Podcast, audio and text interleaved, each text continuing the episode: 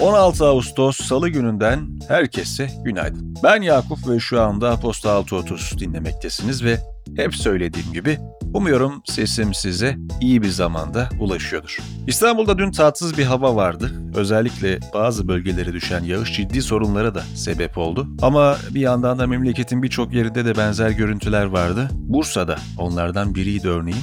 Bundan sonraki yağışlar umarım daha az hasarlı olur. Neyse ki bugün biraz daha sevimli bir hava var. Efendim bugünün bülteni Mintus destekleriyle ulaşıyor. Yüksek değerli sanat eserlerini denetlenebilir ve şeffaf bir şekilde kitlelerin erişimini açan online sanat yatırım platformu Mintus, yatırım yapmaya başlamak isteyenleri bültene davet ediyor. Göz atmayı unutmayınız. Piyasalar ve ekonomi Merkezi yönetim bütçesi Temmuz ayında 64 milyar lira açık verdi. Faiz dışı açık 47,3 milyar lira olarak hesaplandı. Kur korumalı mevduat hesaplarının geri ödemelerinin Temmuz ayında bütçeye maliyeti 23,3 milyar lira, 5 aylık maliyeti ise 60,6 milyar lira oldu. Türkiye İstatistik Kurumu, işsizlik oranının yılın ikinci çeyreğinde önceki çeyreğe göre 0,4 puan azalarak %10,6 olduğunu duyurdu. Tarım ürünleri üretici fiyat endeksi Temmuz ayında yıllık bazda %158 artışla yıl içindeki en yüksek seviyesini kaydetti. Aylık bazda artış ise %5 oldu. Endeks geçtiğimiz ay Kasım 2021'den bu yana ilk kez gerilemişti.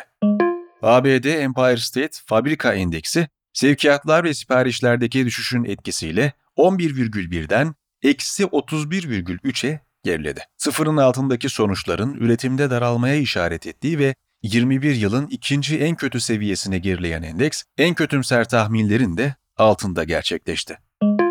Çin Merkez Bankası ekonomiyi desteklemek ve kredi talebini canlandırmak amacıyla faiz oranını 10 baz puan düşürerek %2,75'e indirdi.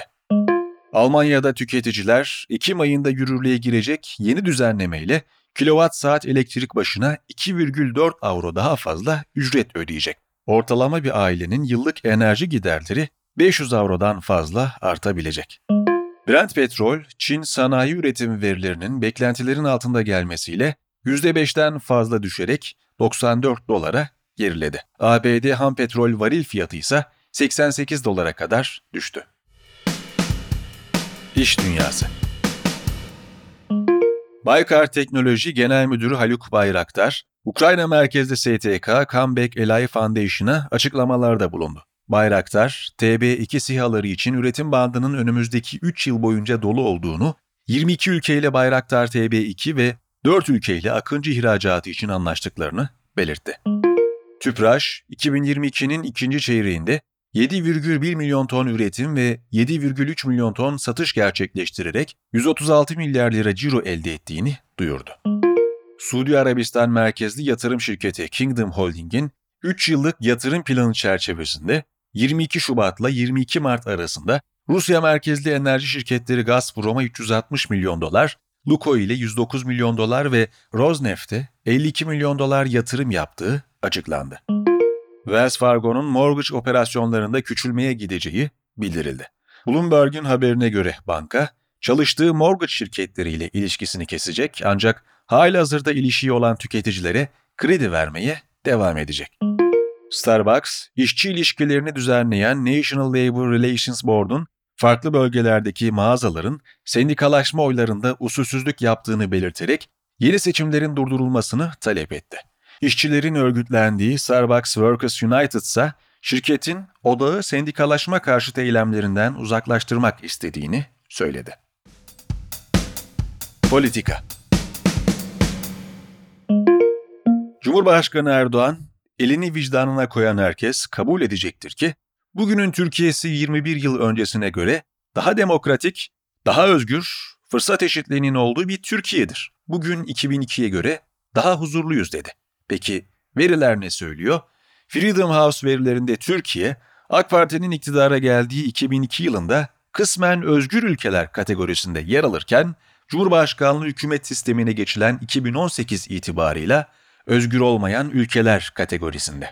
Öte yandan Cumhurbaşkanı Erdoğan'ın avukatları CHP İstanbul İl Başkanı Canan Kaftancıoğlu'na demokrasi yoluyla bir diktatörü bu ülkeden göndereceğiz sözleri nedeniyle Cumhurbaşkanına hakaret suçlamasıyla suç duyurusunda bulundu.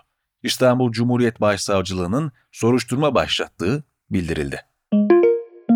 Milli Savunma Bakanlığı, F-16 tedariği ve modernizasyonunun en kısa sürede gerçekleştirilmesi maksadıyla ABD tarafından yapılan davet üzerine Milli Savunma Bakanlığı Teknik Heyeti görüşmeler yapmak üzere ABD'ye gitmiştir açıklamasında bulundu.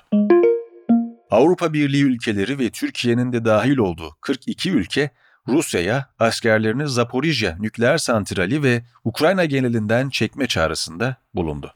Ukraynalı yetkililer Rusya ordusunun ülkenin doğusundaki Donetsk bölgesine yapılan saldırılarının yoğun bir şekilde devam ettiğini ve son 24 saatte bölgede 3 sivilin hayatını kaybettiğini belirtti. Rusya Devlet Başkanı Putin, Kuzey Kore lideri Kim Jong-un'a gönderdiği mektupta iki ülke arasındaki kapsayıcı ve yapıcı ilişkilerin her alanda daha da genişletilmesi çağrısında bulundu. Jong-un da cevaben iki ülke arasındaki dostane ilişkilerin daha da güçleneceğini ifade etti. Çin Halk Cumhuriyeti, ABD'den bir grup kongre mensubunun Tayvan'ı ziyaret etmesi nedeniyle ada etrafında yeni askeri tatbikatların düzenleneceğini duyurdu. Teknoloji ve Startup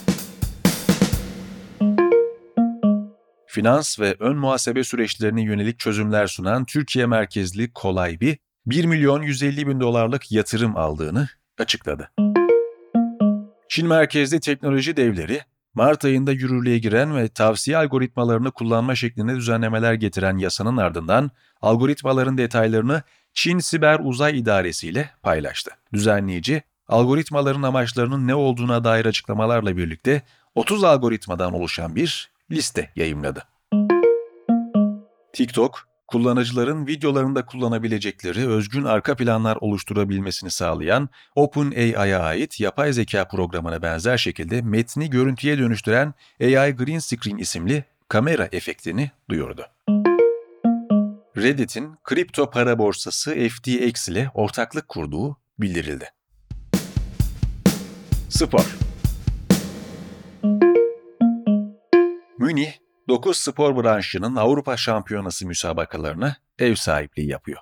Türkiye, 15 Ağustos'ta başlayan Avrupa Atletizm Şampiyonası'na 39 sporcuyla katıldı. Yasemin Can 10.000 metre finalinde 30-32-57'lik derecesiyle altın madalyanın sahibi oldu. 5. İslami Dayanışma Oyunlarında Türkiye dün 10 branşta 14 altın, 8 gümüş, 7 bronz olmak üzere toplam 29 madalya kazandı. İlkim Emirler günün hikayesinde Taliban'ın birinci yılına odaklanıyor ve söylemleri tutmayan eylemler ve krizler başlığıyla bu meseleyi ele alıyor. Geçtiğimiz yıl 15 Ağustos'ta Taliban, Afganistan'ın başkenti Kabil'e girerek kontrolü sağladığını açıklamıştı. Bir sözcü o gün Afganistan'da savaşın bittiğini duyurdu. O günden bu yana örgütlerin yönetim savaşı yerini halkın ve rejimin özgürlük çatışmasına bıraktı. 2021'in Ağustos'unda herkesin takip ettiği, siyasilerin çözüm üretmektense sessiz kalıp izlemeyi tercih ettiği, zamanla kendi haline bırakılan bir toplum, değişen yönetimle birlikte geçtiğimiz yıl neler yaşadı, Taliban rejiminin ilk yılı nasıl geçti, bu sorulara ve bunların yanıtlarına ilkim odaklanıyor ve çeşitli detayları sizlerle paylaşıyor. Göz atmayı ve günün hikayesi kanalını ziyaret etmeyi unutmayınız.